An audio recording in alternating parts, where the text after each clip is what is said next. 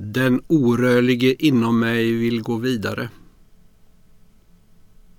Vad jag förlorat av samtid sjunker redan ner i något föråldrat, sjunker ner i ett inre rum där jag vistats sedan länge, med alla och på samma gång ensam.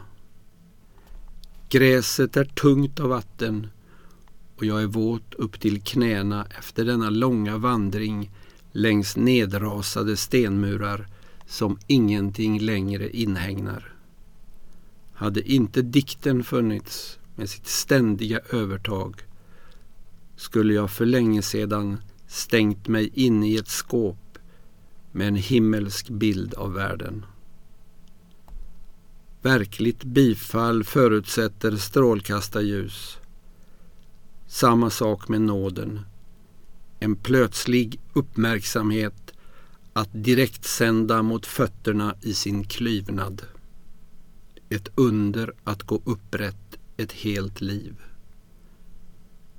Versen dundrade allt mindre och jag vände på stenar för att se om någon besökt dessa platser före mig.